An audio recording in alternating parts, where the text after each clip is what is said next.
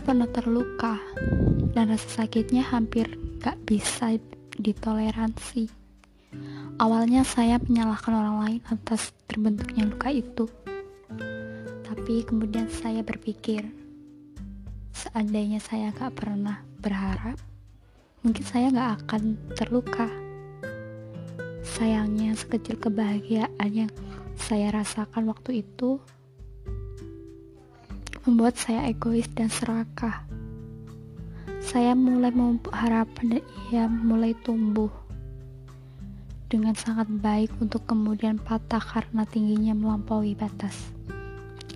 Saya jatuh tersungkur dan malu. Hari-hari saya lewati dengan menyalahkan diri sendiri. Hingga akhirnya saya menyadari bahwa terus mengatakan seandainya gak akan merubah apa pun. Dan sekarang bukan saatnya untuk terus menyalahkan. Menyalahkan diri sendiri tapi bagaimana saya akan melewati ini? Saya mencoba menyibukkan diri dengan menonton film, membaca buku, mengerjakan sesuatu yang penting, pergi keluar untuk sekedar berkeliling, dan banyak hal yang lain yang saya sukai.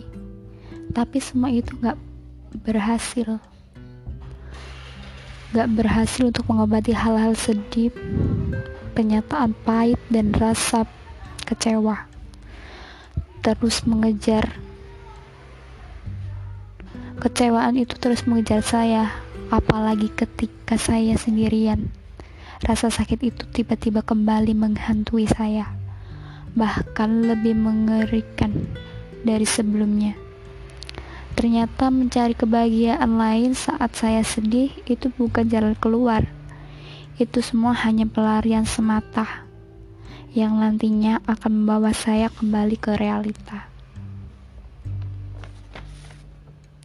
Jadi, hal yang saya lakukan adalah menghadapi kesedihan itu dengan membiarkan rasa sakit menggerogoti hati saya separuhnya sampai gak ada lagi yang tersisa. I cried it out. Saya menangis demi melapangkan hati yang sesak. Sampai saya lelah dan sampai gak ada lagi air mata. Kedengarannya ekstrim ya, tapi setelah saya menghadapi kesedihan itu, saya jadi bisa melihat banyak hal lebih jelas. Saya jadi bisa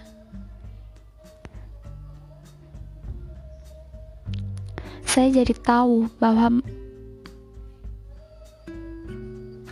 saya jadi tahu bahwa memaafkan orang lain ternyata jauh lebih mudah memaafkan orang lain ternyata jauh lebih mudah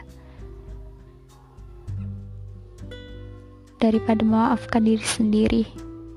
Bahwa saya gak akan pernah bisa melupakan sekeras apa pun saya mencoba.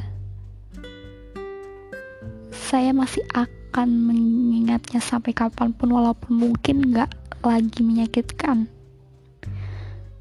Ras bahwa rasa kecewa itu timbul karena ekspektasi yang saya bangun sendiri bukan karena orang lain yang gak bisa memenuhinya bahwa merasakan sakit adalah bagian dari proses untuk mencapai kesembuhan.